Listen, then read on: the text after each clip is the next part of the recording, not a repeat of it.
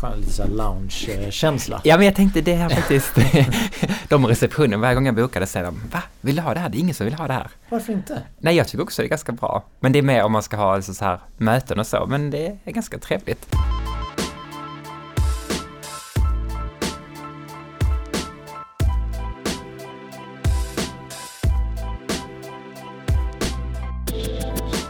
Digitaliseringen av transportsystemet bidrar med hållbara och kostnadseffektiva lösningar samt ger nya möjligheter att öka tillgängligheten för medborgare och näringsliv i hela landet. Det här kan man läsa på Trafikverkets hemsida och det är, i alla fall för mig, väldigt lätt att ryckas med i och själv fundera kring vilka nya funktioner som kan vara på gång, vad det kommer att innebära och hur transportsystemet kan komma att förändras till följd av det här.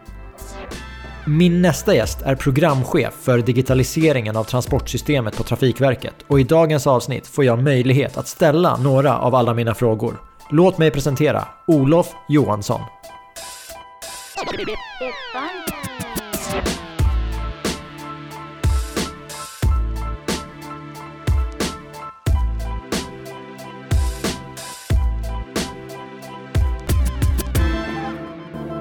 Varmt välkommen till hela kedjan Olof.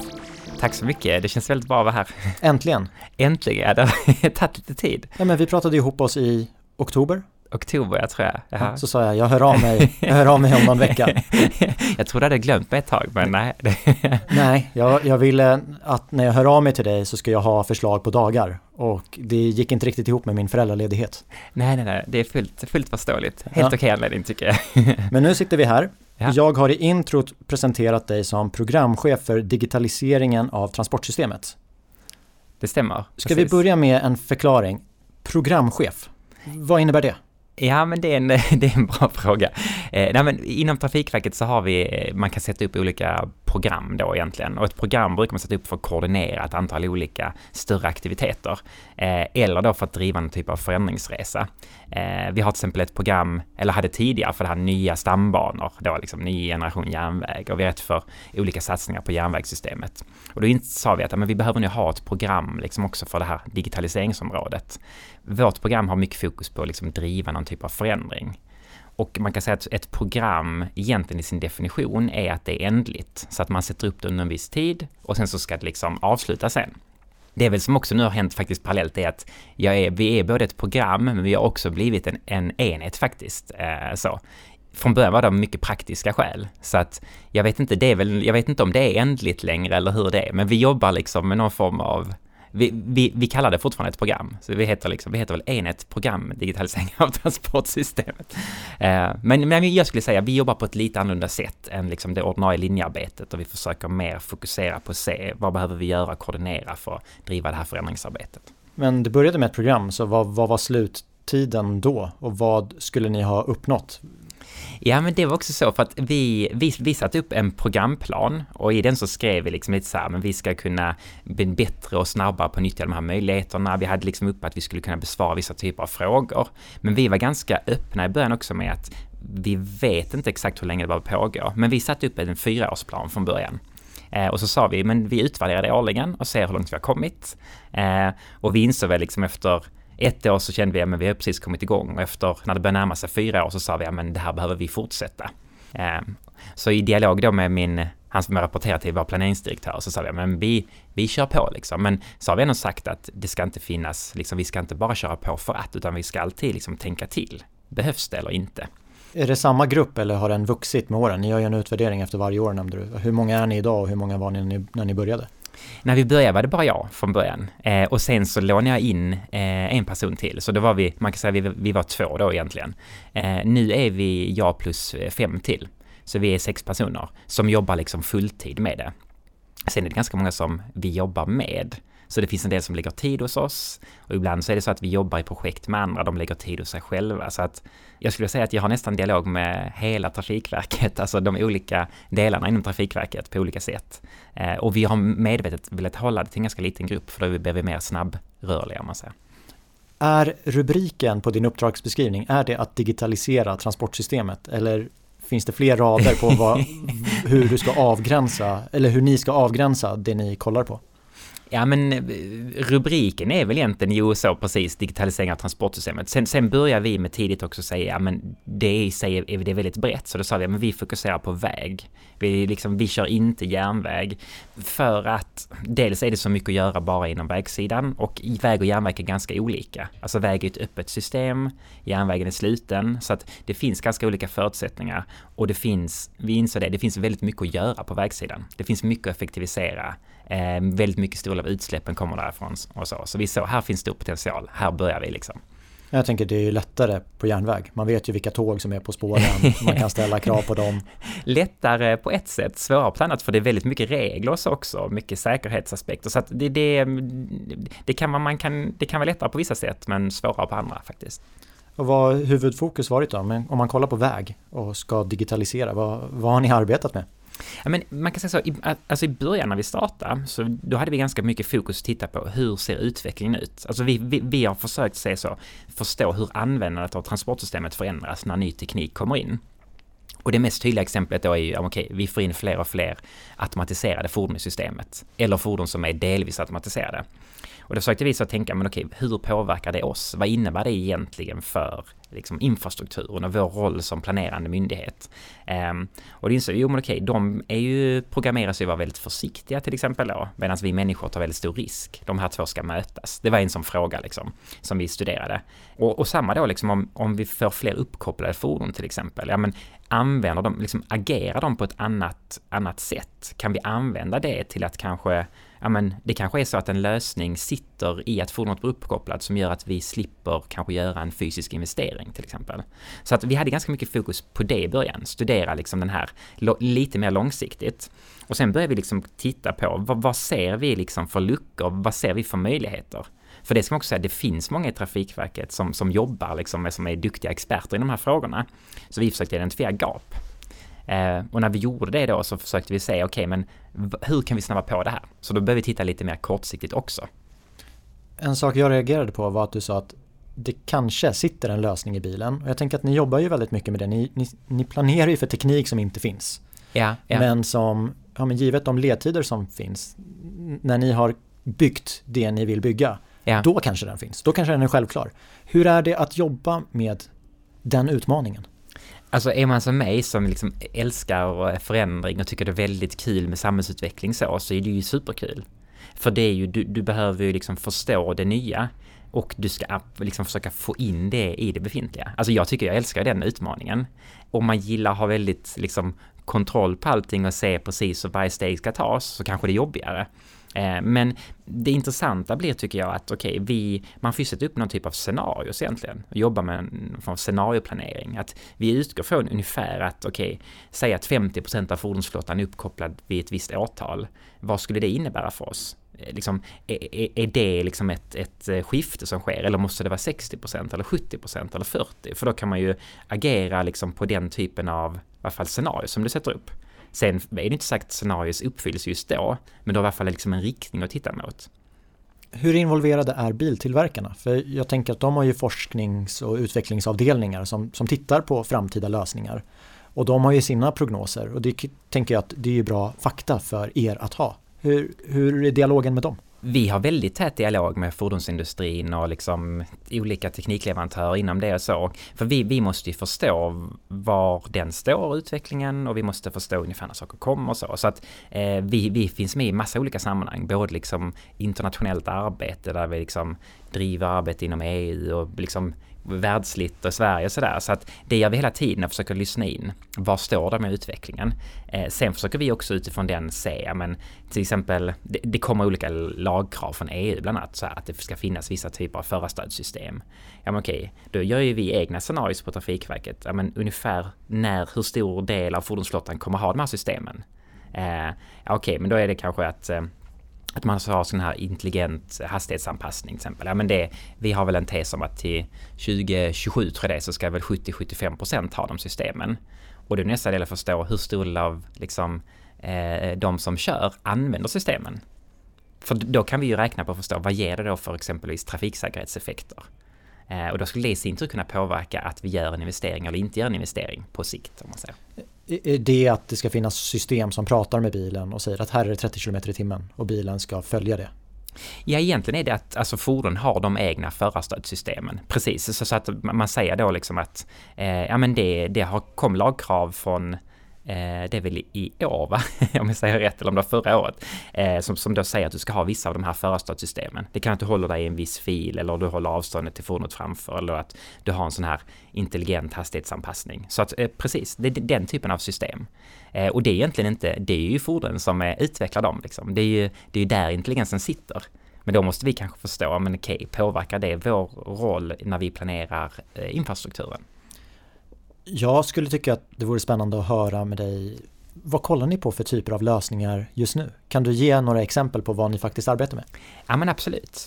Um, och jag kan börja då med för att jag, jag pratade om här innan att vi tittar väldigt långsiktigt i början av programmet sådär när vi skulle utveckla. Just nu tittar vi ganska mycket också här och nu. Vad finns det för lösningar som vi kan använda här och nu? Eh, och då kopplar vi den till eh, Trafikverkets planeringsprocess och då har vi någonting som vi kallar fyrstegsprincipen. Så egentligen när vi ska eh, liksom föreslå en ny typ av åtgärd, eller säg att vi har ett problem, en brist längs en väg med trafiksäkerheten, då ska den prövas enligt fyra steg. De stegen är tänk om, optimera, bygg om och bygg nytt. Det vill säga innan man går till att bygga nytt eller bygga om så ska man se om man kan man tänka om och lösa det på något nytt sätt eller kan man optimera någon befintlig lösning. Det är egentligen för att vi ska använda det så effektivt som möjligt. Vi tittar väldigt mycket just nu på kan vi hitta nya typer av steg 1 och 2-åtgärder, det vill säga tänka om eller optimera, som skulle kunna lösa gamla pro problem då. Eh, och ska man ge ett exempel som eh, har fått ganska stort genomslag här i början på året. Det var att det kom ut ett, eh, vi gick ut med ett projekt uppe i Region Mitt, så Jämtland och Västernorrland med så digital hastighetsanpassning. Eh, och det var det, det är ett samarbete mellan oss och SCA, så det är skogsindustrins transporter. Och de kan upplevas om man kör liksom längs här vidsträckta byar som går på landsvägar som används av cyklister och barn och det finns skolor och allt möjligt. De kan ju vara väldigt, liksom uppfattas väldigt osäkra. Då egentligen så samverkar vi med dem där och så har man då satt in ett, liksom en digital zon som är via Scanias fordon. Den tekniken finns hos Scanias fordon sedan några år tillbaka. Egentligen, och då, och då liksom så håller fordonen hastigheten på vissa specifika utpekade sträckor som har varit liksom mer kritiska än andra innan då. Och då slipper vi bygga om infrastrukturen. Och det skulle vara väldigt svårt att motivera samhällsekonomiskt också. För det är så få som använder den. Men jag har tänkt mycket på det där. Det finns ju motsvarande geofencing för de som åker elsparkcyklar. Och några saker som har slagit mig är att ja, men, vi är ju Sverige. Mm. Det kommer ju bilar från andra länder. Ja. Då måste man ju synka att även de här kraven finns i andra länder så att bilarna är anpassade efter det här. Och vilka, vilken årgång får bilen ha som kör in i Sverige och inte. Ja, ja. Eh, sen funderade jag lite kring ansvarsfrågan. Ja. För det kan ju hända, lika mycket som det finns en mänsklig faktor, att jag inte håller hastigheten, så kanske det finns en datorfaktor i det hela. Hur arbetar ni med den frågan nu när vi ska digitalisera transportsystemet? Är det biltillverkarens lösning som är ansvarig? Föraren? Trafikverkets signaler? Det, det låter eh, som en utmaning. Ja, men det är en utmaning eh, så, såklart liksom. Och ansvarsfrågan är ju, är ju stor och, och, och viktig. Eh, men det är ju, jag skulle vilja säga så också först för att det är ju väldigt att liksom kunna göra så att alla fordon, till exempel köra sån här geofencing på alla fordon i ett system. Det är väldigt mycket svårare. Det är därför till exempel det här caset där vi, då identifierar vi en specifik fordonsflotta där vi såg ett problem, alltså det vill säga skogsindustrins transporter. Och då känner vi, får vi ner hastigheten där, så kan det hjälpa till att få ner hastigheten på andra delar också i systemet bakom. Så ibland behöver man inte nå alla. För det är mycket svårare att nå ut till privatbilister än vad det är att nå ut till en fordonsflotta till exempel.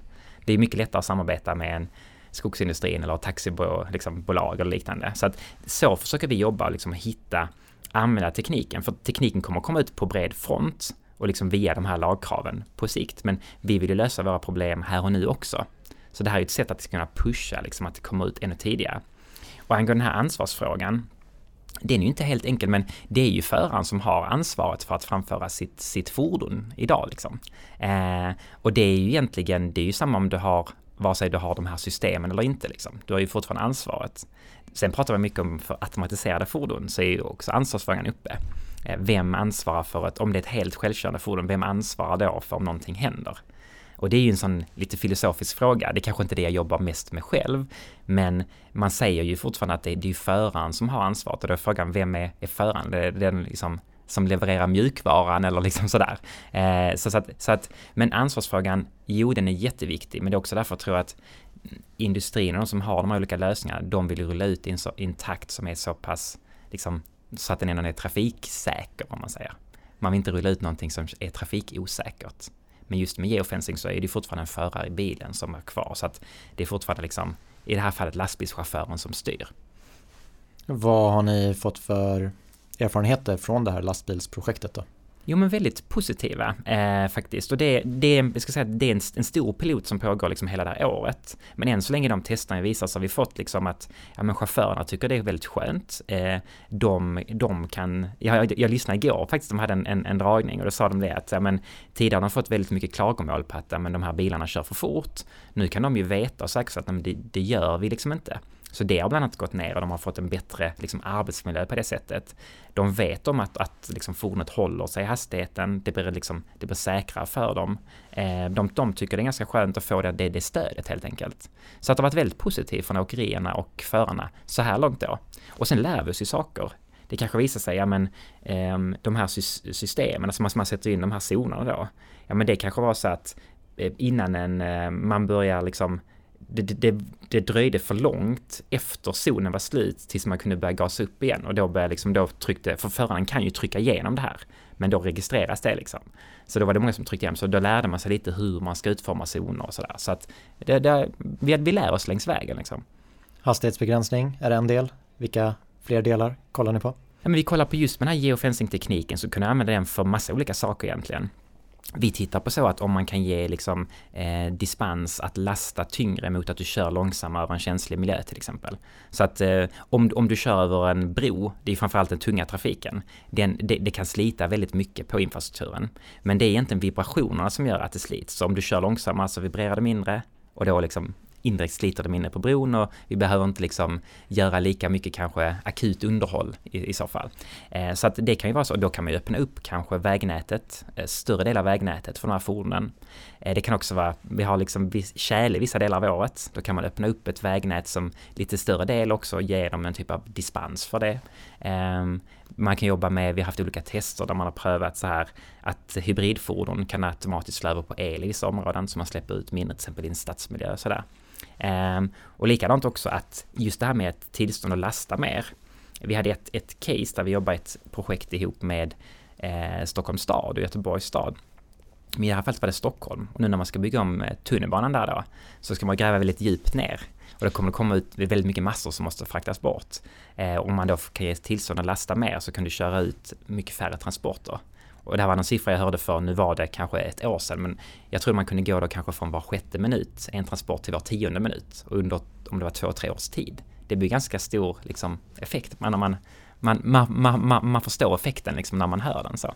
Ja, men det där är ju en ganska stor utmaning för byggprojekt inne i centrala Stockholm, just där BK1 och BK2. Mm, för det spelar mm. ingen roll om det är 100 meter BK2, du får inte köra med en BK1-bil där. Och genom ny teknik och reglering så ja. skulle ju det bli ja men det skulle ha en jättestor klimatpåverkan tänker jag.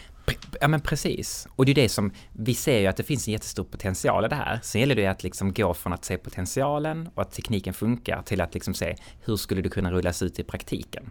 För när man då börjar testa, ja men okej då lär man sig, men det där skulle inte funka för det är kanske något regelverk som inte riktigt eh, liksom medger det. Alltså så, man måste pröva sätta upp de här hypoteserna för att se vad behöver göras för att vi ska kunna nyttja det på det sättet. Så det är egentligen det vi försöker göra. Det öppnar väl också upp för att jag har för mig att det finns begränsningar vilka tider på dygnet man får köra på olika vägar. Jag antar att det är bullerfrågan. Pre, pre, precis, precis. Så till exempel vet, i Stockholm så får man inte köra mellan 10 på kvällen och 6 på morgonen. Men där vet jag att till exempel McDonalds Transport har haft ett, ett test där man har då gett dem transport och dispens om de kör på eldrift då och långsammare så får de köra på natten så bullar inte lika mycket. Så att det gäller ju liksom hela tesen tycker jag är hur kan vi använda det befintliga systemet, alltså den befintliga infrastrukturen vi har mer effektivt. För vi har ju väldigt mycket yta, alltså vägyta i Sverige. Men det, det är ju inte som i elsystemet att alla använder den samtidigt. Det är det som kan vara ett problem och kan vi sprida ut det mer så kan vi få ett, ett mer effektivt nyttjande av våra system helt enkelt. Ja, men det är jätteintressant. Vi, vi sitter ju i Stockholm och spelar in det här och eh, alla som bor och jobbar i Stockholm vet att ja, men det, det är ju trafik mellan 06 och 09 och sen igen vid 15 till 18. Däremellan så är kapaciteten mer än tillräcklig.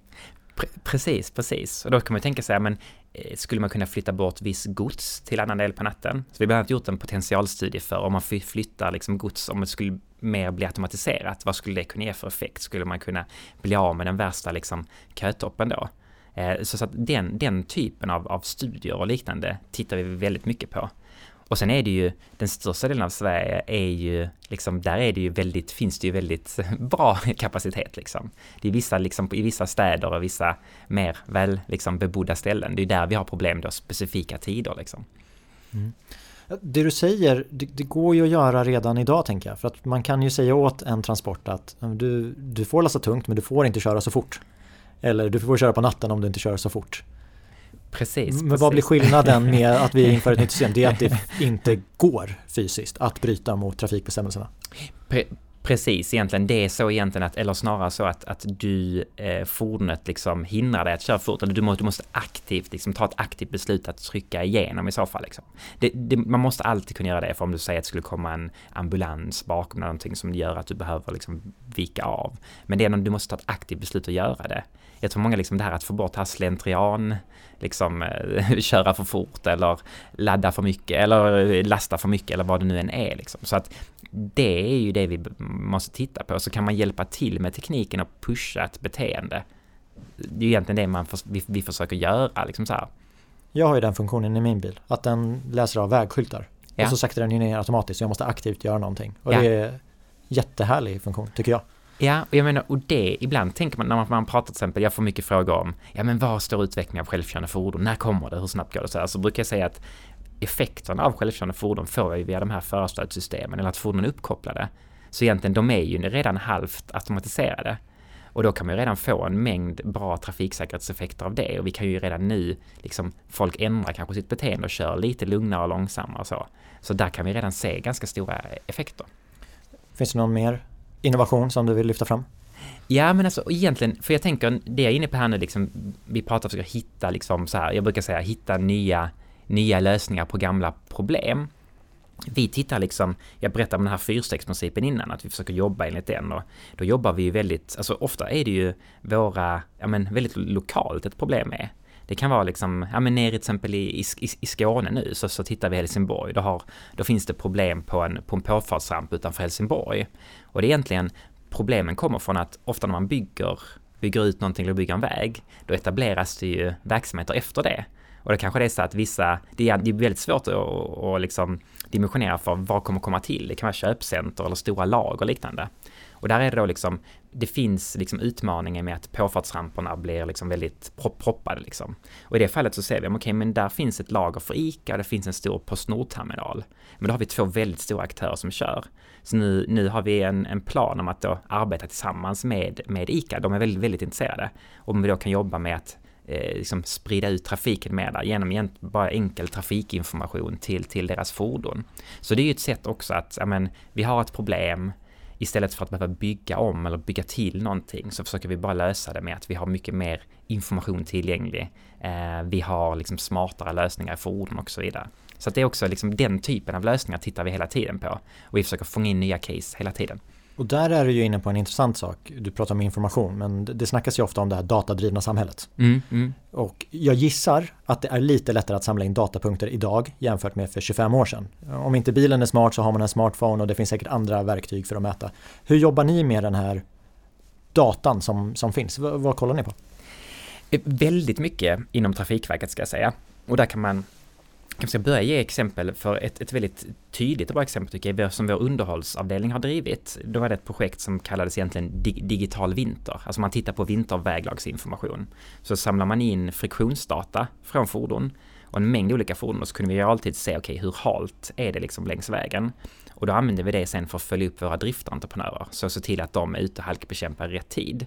Tidigare har egentligen det skett liksom manuella kontroller och det är jättesvårt att följa upp. Istället nu får vi in, det var genom ett samarbete med ett antal aktörer, eh, och då fick vi in en, liksom, miljontals datapunkter istället för liksom, några fåtal. Och då kan vi se så att vi faktiskt både halkbekämpar på rätt ställe, men också att vi kanske inte gör det i onödan på vissa andra ställen.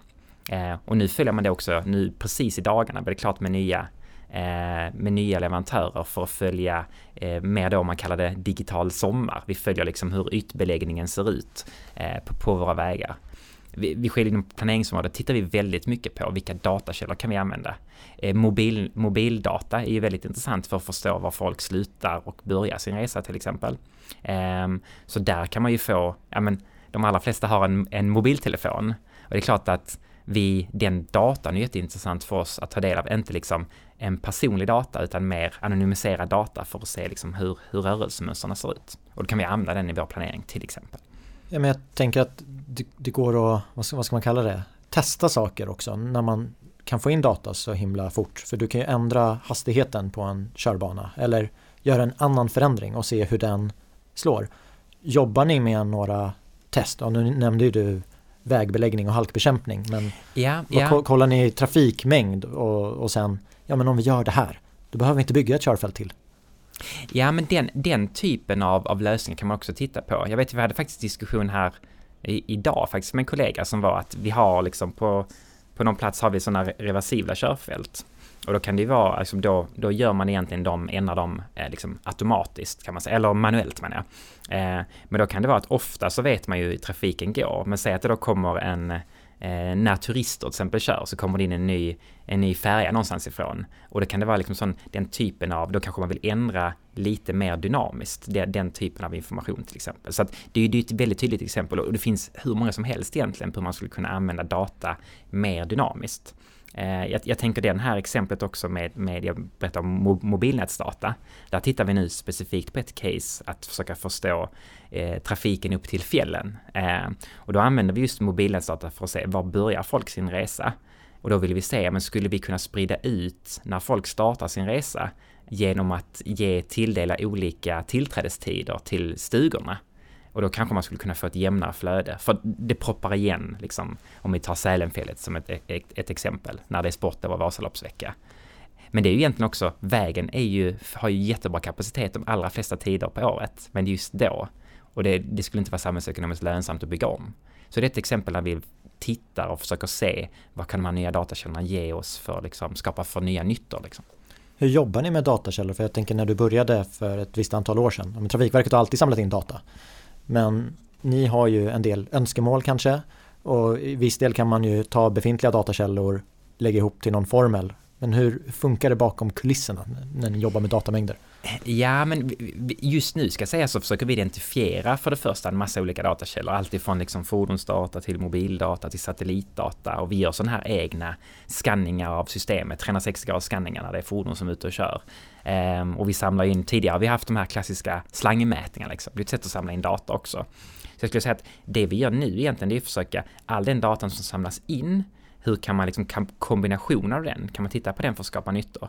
Men sen har vi ju en jätteutmaning i att okej, okay, ju mer data vi är intresserade av att ta in, hur ska den förvaltas? Hur ska den sen driftas? Eh, liksom vilka format ska den ha? Så det, det, kommer ju med en mängd olika utmaningar som inte liksom är, eh, så, som inte liksom alltid vi har eh, löst ännu då, utan det är sånt som vi gör nu, men då försöker vi bygga någon form av upp en välfungerande IT-arkitektur alltså liksom där bakom. Men det, är ju ett jättestort jobb. För bara nu pratar jag om en, okej okay, vi tar in liksom den här mobildatan för ett case. Men tänk då att vi är ett väldigt stort trafikverk. Det är massa olika delar av organisationen som vill göra detta. Och det är klart, då måste vi se till att det blir likt på ett liknande sätt och liknande format. Så det har vi ett st stora arbete igång och, och titta på när jag flyger iväg i mina framtidstankar så känner jag ju att någonstans vill man ju att den här datan ska realtidshjälpa olika styrningar. Mm, mm. Idag kan jag ju se när jag ska åka hem från jobbet så öppnar jag min kartmapp och ja. då säger den att ja, men den här vägen är trafikerad, välj den här istället. Ja. Och har man bara en väg, ja men då kan man inte göra särskilt mycket. Nej, nej. Men jag, någonstans så tänker jag att ja men tänk om den här realtidsdatan kunde hjälpa till att styra bilarna. För vi vet att om bilarna åker lika fort, ja men då kommer trafiken flyta bättre. Jag tror att en data skulle styra bilarna bättre in och ut ur en cirkulationsplats än den mänskliga faktorn. Ja, ja. Och som du säger, liksom, vad kan vi göra med det befintliga? Där ser jag jättemöjligheter, men hur, hur, hur långt bort kan det vara? Ja men det är ändå en längre bort än man tror skulle jag säga. Alltså så här, för jag tror jag brukar ge exemplet ibland om alla skulle köra precis som man blir utlärda i körskolan och man inte liksom skulle köra om varandra en massa liksom så skulle vi ha bättre flöden liksom. Men vi människor, vi, vi tar ju väldigt stora risker när vi är ute och kör och vi vill liksom, vi agerar så här, så hela systemet är uppbyggt utifrån det. Så det är egentligen de här, liksom, man tänker nya tekniken och den här möjligheten att nyttja nya data, realtid och så, det ska ju vävas in i hur systemet används idag av oss, liksom nu kallar jag oss manuella liksom, trafikanter. Eh, så att det kommer, vi kommer se liksom case för case som ökar, men ha liksom ett helt, ett helt uppkopplat system där man trafikstyr. Det är ju, jag tror dels är ganska långt borta, sen så tror jag också att det är nog en fara i att vi går, alltså det är ju nästan som att man går så har järnväg på väg. Järnvägen har ju sina fördelar. Eh, fördelen med vägsystemet att det faktiskt inte är fullt uppkopplat, det är också att det är mycket mindre känsligt för störningar. Säg att du har ett totalt uppkopplat vägsystem. Om, om liksom eh, om uppkopplingen, säg att vi får en hackerattack mot oss och uppkopplingen går ner, så kan det ju bli ganska potentiellt sett jobbigt. Eh, och vägens just fördelar är att det är så öppet, du kan enkelt leda om och göra liksom, så att det gäller att hitta, tror jag, en balans i det. Men självklart, det finns jättepotential i att jobba mer med trafikinformation och trafikstyrning definitivt. Och det är ju, de här vi pratade om geofencing innan, det är ju det är ett, ett, ett exempel på liksom man kan göra. Jag tänker att det finns en del utmaningar när ny teknik och befintlig teknik eh, ska samsas. Det är lättare att göra ett test när det är SCAs bilar eller när Postnord och ICA kör på en vägbana. Men så tänker jag att om vi tar Stockholm återigen, ja, fast man kan ju införa miljözoner. Här får inga dieselbilar köra eller här får du inte ha dubbdäck. Kan det bli aktuellt med något liknande när vi digitaliserar transportsystemet? Att det kan bli delar där du inte får köra om du inte har ett fordon som klarar av de här kriterierna. Och de är ju mer än en vanlig svensk besiktning. Det, det är en väldigt intressant fråga för att det är ju potentiellt sett skulle man ju kunna ha det så, men inte enligt de befintliga lagarna. Alltså, det, det, står ju lagstadgat i lagen, i grundlagen, att vi den fria rätten till rörlighet. Eh, och den är ju väldigt så, det är väldigt liksom, starkt. Jag tror många, för, för alla personer är det väldigt viktigt också för den delen.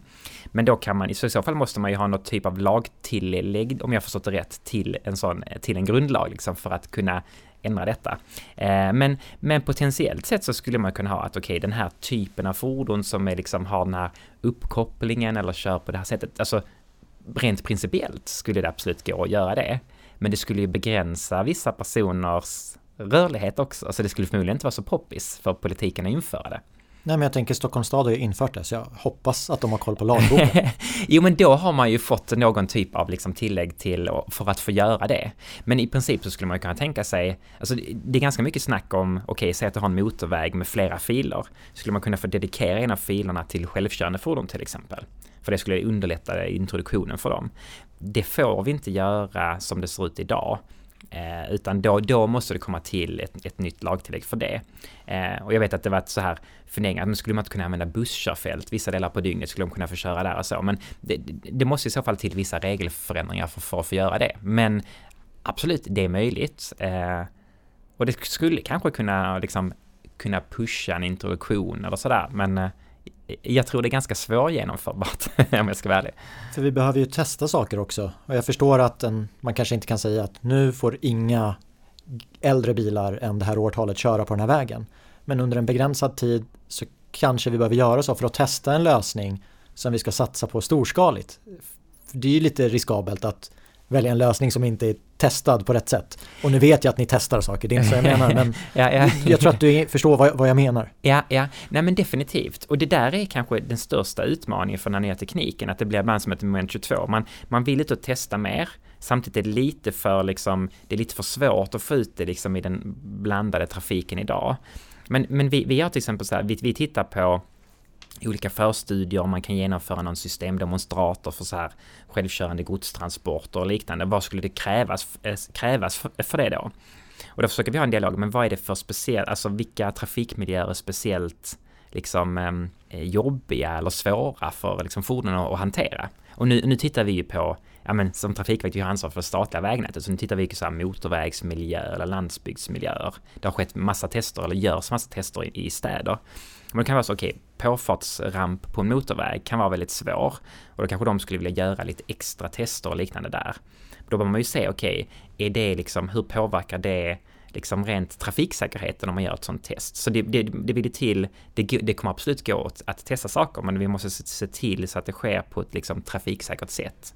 Och det kan ju vara egentligen att man du dels informerar om att den här typen av tester sker. Eh, det är, kanske innebär det här och det här och man kanske försöker genomföra det på vissa tider när det passar bättre och sådär. Och det kanske är så att det, det skulle underlätta om man gör vissa smärre ombyggnationer för att liksom underlätta en sån, ett sånt test till exempel. Men det är ju skillnad på att göra ett, ett test och vissa investeringar, det skulle man kunna göra, eller att göra det här systematiskt. Alltså, så att det gäller att ha med sig de två delarna. Hur är det när man ska jobba med en ny teknik? För vi vill ju uppnå en funktion. Det kanske är att här ska bilarna köra mer långsamt. Och tidigare har det varit farthinder. Det är ett sätt. Men ja. nu när vi ska prata digitalisering av transportsystemet så kanske det här ska vara genom en digital signal. Och den kan ju vara på massa olika sätt. Och jag kan tänka mig att olika produktleverantörer har olika sätt som de önskar ha den här signalen på. Stöter du på det eller nej, det finns världsstandarder så det där är inga konstigheter? Nej men det är klart när, när ny teknik kommer så blir det ju massa olika lösningar liksom och vissa tittar på olika liksom delar så. Eh, i de här fallen till exempel om vi tar det här med geofencing, där har ju liksom, ja men i det fallet där vi använde med SEO, då var det, då var det en, en tjänst som Scania hade som heter Scania Zones, liksom som de har utvecklat. Och Volvo har en motsvarande lösning som de har liksom etablerat, det var att de har det i sina bussar, de nu ska väl komma ut i lastbilarna från och med, jag tror det är nästa år. Eh, eller om det är år, ja, eh, men snart i alla fall sådär. Så att då är det de som tittar på deras typ av lösningar. Men pratar man med industrin så är det med så här, alla lösningar som de tar fram måste ju funka liksom i, i hela världen. Det, det kan ju inte vara en lösning som funkar bara i Sverige, det är inte det, för de agerar ju på en internationell marknad. Men med det sagt så är det ju, när det väl kommer upp nya tekniker så ploppar det upp en mängd olika teknikleverantörer och de vill ju att deras lösning ska bli liksom den som blir, sätter kanske standarden. Så det är nog väldigt individuellt, det kan bero på lite också från område till område.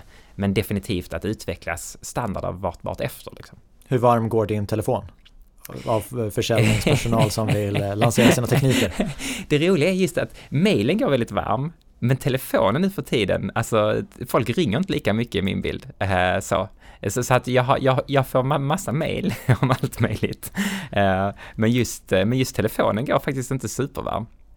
Hur nära arbetar ni med elektrifieringen av trafiknätet? För jag känner att digitaliseringen och elektrifieringen, de går ju ändå lite hand i hand. För om en bil ska ladda samtidigt som den kör så ska det på något digitalt sätt gå en signal att jag vill ladda, jag har laddat. Och med den effekt, vi kanske inte har en effektbrist, men någonstans finns det ju ett tak på hur mycket el som finns i Sverige. Och då kanske det ska vara att, ja men vet du vad, vi måste prioritera den här bilen. Finns det samspelet nu? Det, det, finns definitivt. Man ska säga också, vi har inom Trafikverket ett systerprogram som just tittar just på elektrifiering av tunga transporter. Eh, och har gjort, de började en, lite innan oss också till och med. Eh, och då var det mycket fokus elvägar i början och sen började man titta också på innebär det med batteri och allt möjligt. Jo, vi försöker ha en aktiv och nära dialog. Och jag skulle säga att eh, ofta när man hör viss, en del fordonstillverkare prata så säger de till exempel att automatisering, alltså, alltså för att kunna eh, elektrifiera menar jag, transporter så är automatisering en förutsättning för då kan de också, alltså då har de inte en kostnad av en förare när de ska ladda till exempel sådär. Alltså så, så att vissa ser det på det sättet så att det finns, jag håller med, det finns en jättetydlig koppling. Jag skulle säga att nästan alla fordon som är uppkopplade och digitaliserade är ju också oftast elektrifierade. Eh, så. så att det gäller av, och jag tycker också man kan lära sig väldigt mycket av system. Alltså så här, okej, okay, vilken bandbredd behövs i våra IT-telekomnät? Alltså det är lite samma som vad behöver vi för, liksom hur mycket el och vilken effekt behöver vi ha i våra elnät? Alltså nät, hela nätuppbyggnaden, transportnät, energinätet och IT-telekomnät, de kommer ju hänga ihop mycket tydligare i framtiden. Så allting skulle jag säga kopplas ihop mycket tydligare och mycket mer. Och om man ska jobba, tror jag, i vår sektor så måste man förstå de olika systemen tillräckligt bra skulle jag säga i framtiden.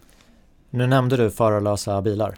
Ja. Tidigare har vi ju pratat om assistanssystemen som typ är som en självkörande bil. Ja, just det. Men nu ja. nämnde du förarlöst. Ja, ja. I Trafikverkets vision, när rullar de på vägarna? Och jag kan tänka mig att det kan vara lite annorlunda med lastbilar och personbilar, men hur ser scenariot ut? Scenariot är, och jag ska säga, vi har inget liksom exakt scenario, när har vi de här fordonen, fordonen ute liksom. Eh, det var ganska intressant för jag var med, jag sitter med på Trafikverkets mandat så sitter jag med i något som heter Drive Sweden som är ett strategiskt innovationsprogram, ett av 17 stycken som regeringen har satt upp. Och då liksom tittar man, samlar man hela liksom industrin, både offentliga, offentliga aktörer och industri med mera liksom. Eh, och då tittar vi på eh, uppkopplad, automatiserad och delad mobilitet, det som är scopet liksom. Då hade vi en diskussion där nu i, i veckan om, ja men det här med liksom just om automatisering och förarlösa fordon och bara hur, hur svårt det är att liksom kunna få ut det här. Och då, då gick diskussionen för att det var ett projekt som presenterades om förarlösa transporter i städer. Och så pratar många om det, men det är väldigt knepigt i städer. Det finns otroligt mycket moment och störmoment och liksom gångtrafikanter, cyklister, alltså allt möjligt i städer. Så då var det väldigt många som lyfte, och inklusive mig själv, men att godstransporter, eller först och främst så här i eh, confined areas brukar man säga, så typ som en gruva, alltså en, där du har en, en begränsad yta. Där har det ju redan kommit och där är det väldigt starkt och där satsar ju många. Och nästa tror jag ju verkligen är på större skala är ju godstransporter, hubb till hubb liksom. För det är ju mycket enklare, det är inte lika mycket människor involverat och det är mer industrier och så. Eh, och sen liksom, även om vi sett många sådana poddar i städer, så är ju storskaligheten på självkörande städer tror jag kommer dröja mer.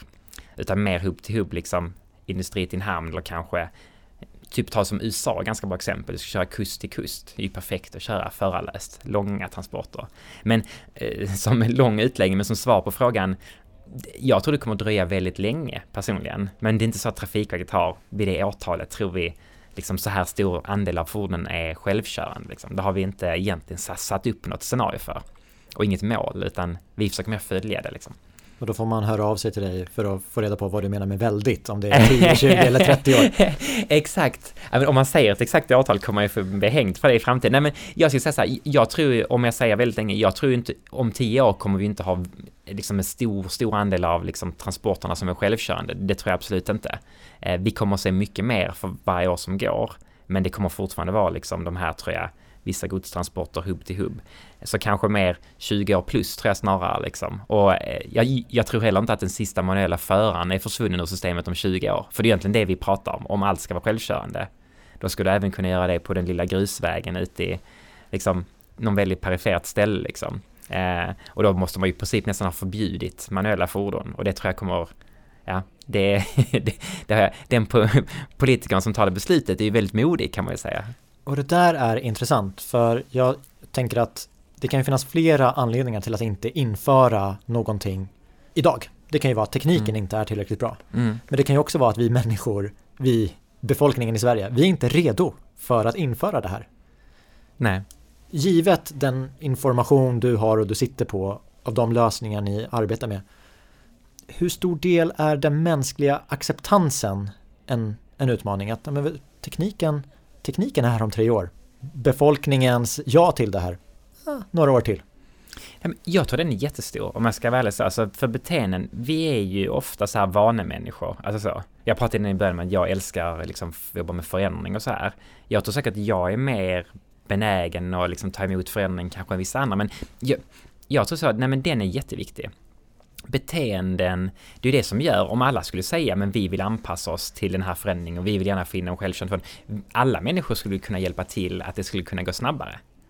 Genom att underlätta det, men eh, om det kommer någonting nytt också, det här med liksom Många tycker det är lite läskigt att okej, okay, ska jag sitta i ett självkörande fordon? Jag har inte kontrollen själv. Ska jag köra ett system där andra fordon kör som inte... Alltså, de kanske, är det säkert liksom? Alltså, alltså det är lätt att, att börja tänka i de banorna. Alltså jag tror, det är därför också som det måste ju vara innan fordonstillverkaren också släpper ut det här så vill de ju veta att det ska vara hypersäkert. De kommer liksom, det dör ju 1, över 1,25 miljoner människor i världen i, i varje år liksom i, i, i, i, alltså i vägsystemet. Så det är inte så att vi, nollläget är ju egentligen 1,25 miljoner människor. Och, och, det är klart att även om det skulle dö av självkörande fordon liksom mycket mindre så skulle fortfarande varje olycka som sker så skulle man, då, då är det liksom det, då är det felet, det är liksom tekniken. Liksom det, det tror jag är jobbigt för människor att, att ta till sig. Liksom. Det finns ju grafer som visar hur den tekniska utvecklingen accelererar. Det, mm. det är ingen rak eh, K gånger X-kurva eh, utan det är kanske en exponential på den här. ja, ja. och lägger man det bredvid att det Trafikverket arbetar med mm utveckling av transportinfrastruktur. Den är ju ganska långsiktig med en lång planeringshorisont. Det finns ju projekt som började planeras för tio år sedan. Ja. Och det ska man ju ställa emot den här snabba utvecklingen. Kan vi arbeta på samma sätt med planering nu som vi gjorde för 15 år sedan? Nej men det är en väldigt bra. Jag skulle säga Nej, det kan vi inte exakt, utan men däremot så tror jag vi måste, vi måste kunna arbeta på ett liknande sätt som vi gjort, men ändå kunna få in och vara liksom lyhörda för de här förändringarna som sker och vara lite mer anpassningsbara, flexibla. Jag tror vi måste vara beredda på att kunna ompröva beslut och kunna ompröva planer, men samtidigt att kunna planera infrastruktur och liksom transportsystemet, det, det är väldigt långsiktigt. Det måste få ta sin, sin tid. Så snarare så tror jag så liksom att se, men hur kan vi underlätta för ny teknik att snabbare komma ut? För jag menar om man ska bygga om eller bygga en ny väg eller någonting, alltså det behöver ta tid för den demokratiska processen ska fungera liksom. Men, men snarare så till exempel, ett, ett exempel på hur vi jobbar det är, vi, vi liksom funderar mycket på det här men vi pratar, har pratat väldigt mycket om fordon här och som är självkörande så här, men vad är vår roll i det här? Och då sa vi egentligen att antog vi ett ställningstaganden som vår generaldirektör beslutade mm, december 2021, där vi säger för den fysiska väginfrastrukturen så säger vi att intelligensen måste sitta i fordonen och inte i infrastrukturen. Det vill säga det är fordonen som vi säger primärt, det kan finnas intelligens i infrastruktur också. Men så egentligen fordonen blir smartare och smartare och vi bygger inte in en massa intelligens i infrastrukturen i princip är det ett sätt att möta den här balansen. Det vill säga, skulle vi bygga in en massa intelligens i infrastrukturen så skulle det, och, och, vi, och vi planerar för någonting, då kanske något, liksom någon teknisk lösning är, liksom har blivit obsolet liksom redan när man, ska, när man väl ska börja bygga den och utforma den. Men om det är liksom fordonen som blir smartare och smartare, fordonsflottan blir ut mycket mer ofta liksom. Så att det är ju ett sätt för oss att möta det här. Så i princip så är det ju att, men, så länge vi kan se till att vi, vi har ett farbart vägsystem eh, vi brukar prata om det är ju en, egentligen erbjuder vi en tjänsten en hårdgjord yta för fordon att åka på med vissa liksom skyltar och liknande. Men det är ändå de som står för den här smartheten. När vi träffades i oktober förra året så kastade du upp en fråga. Vad var något i stil med vad behöver samhällsbyggare för kompetenser? För ja, att kunna arbeta med de här utmaningarna. Ja, ja. Och nu kastar jag tillbaka den till dig. Har du något svar på den? ja men absolut. Ja, men, och det kopplar lite till den här frågan vi, vi pratade om innan det här med att eh, hur bygger man liksom flexibilitet när man både jobbar väldigt långsiktigt och här och nu. Jag tror en kompetens som jag tror samhällsbyggare behöver ha, i princip de allra flesta skulle jag säga är att ändå ha en viss anpassningsbarhet, en viss flexibilitet. Man ska hela tiden bygga ju liksom det man utvecklar på känd kunskap såklart, men man ska hela tiden vara beredd tror jag på att varefter tekniken utvecklas och liksom eh, samhället förändras så måste man kunna vara beredd att ompröva saker. Eh, och jag tror också det här att, att inte liksom bygga, vi för exempel har alltid väldigt snabba projekt, ganska, ta fram en hypotes först, liksom testa den lite fort, se funkar det eller inte. Okej, verkar det positivt? Ja, men ta det vidare. Verkar det inte det? Då skippar vi liksom. Att vara hela tiden så, man brukar prata om det här agila. Jag är kanske lite allergisk mot det ordet, men just det här med att anpassningsbarhet tycker jag är väldigt viktigt. Det är en sån. En annan del jag tror är jätteviktig, det är att en förståelse för både samhällsutvecklingen inom andra sektorer för jag tar, tar nu som transportsystemet, ja men det hänger jättemycket ihop med energinätet och hänger jättemycket ihop, med IT-telekomnätet och kommer göra mer ju längre fram vi kommer. Jag tror en tillräckligt bra förståelse för hur de här sakerna samspelar, eh, det tror jag också är viktigt. Och i det ingår också då sen då att förståelse för, tror jag, en grundläggande förståelse för eh, vad liksom möjligheterna med datakällor, nya datakällor innebär och hur vi kan använda den i framtiden. För egentligen, jag, jag tror samhället kommer bli mer och mer datadrivet, alltså så. Eh, och att förstå det tillräckligt väl, du behöver inte vara en expert på någon av de här grejerna, men förståelse för det tror jag kommer vara jätte, jätteviktigt. Det är intressant när man pratar om befintliga processer som ska förändras. För jag tänker att det ställer ju också en del krav på Trafikverket och ert förändringsarbete. Vad kan du säga om det? Ja men absolut. Jag tycker det är, det är ju det som jag kanske är en sån grej som jag brinner väldigt mycket för just för det här förändrings och innovationsarbetet som jag jobbat väldigt mycket med liksom över åren i min karriär. Och jag tror det vi försöker göra när vi driver det här förändringsarbetet är att vi försöker involverar egentligen slutbeställaren och slutanvändaren inom Trafikverket. Och i, i vårt fall är det ju ofta då kanske en, en, region, en region. Då sitter de och har problem med kanske en trafiksäkerhetsbrist längs en viss väg. Då är det ju den utredaren eller planeraren eller trafikmiljöanalytikern som måste förstå hur du kan använda den här nya tekniken, den nya datakällan eller förstå fordonsutvecklingen. Så då försöker vi liksom adressera in den omvärldsbevakningen och annat vi lärt oss in mot det problemet, sätta ihop en grupp som tittar på det kanske ganska kort, man kanske har bara en, ett litet möte först och någon mini-workshop sen och så ser man den hypotesen vi hade, finns det den potentialen som vi trodde? Ja, om det finns, då tar vi det vidare. Och sen så lär vi oss därifrån och sen kanske vi skalar upp det till nästa region och nästa plats. Och så jobbar vi på det sättet. Så det är verkligen, det är vårt sätt liksom att jobba med den här liksom innovations och förändringsledningen. Och det liksom tycker jag är väldigt värdefullt att vi dels får mandat att göra det, men också det tror jag är någonting jag gärna vill spela in till andra att faktiskt göra. Våga pröva och gör liksom, driv det med, inte bara från en central utvecklingsavdelning, utan tillsammans med de som faktiskt behöver använda det sen.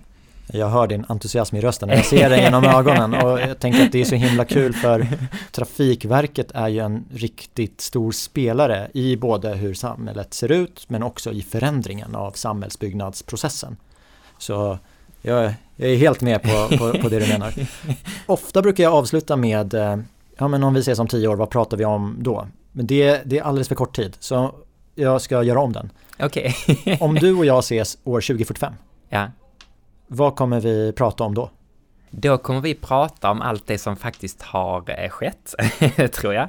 Eh, vi kommer säga, oj, använde vi vårt sy sy system år 2023 på det sättet? Hade vi, hade vi inte, varför använde inte den smarta tekniken som fanns? Och så tror jag vi kommer prata om, ja men nu har vi börjat se en viss del av utvecklingen åt det här hållet. Och så kommer vi titta liksom på nästa sak. Eh, får tänka vad, vad mer vi pratar om. Vi kommer förmodligen sitta och kanske ha den här dialogen på distans fast vi upplever att vi är på plats för att vi har gått, tekniken har gått så fort framåt.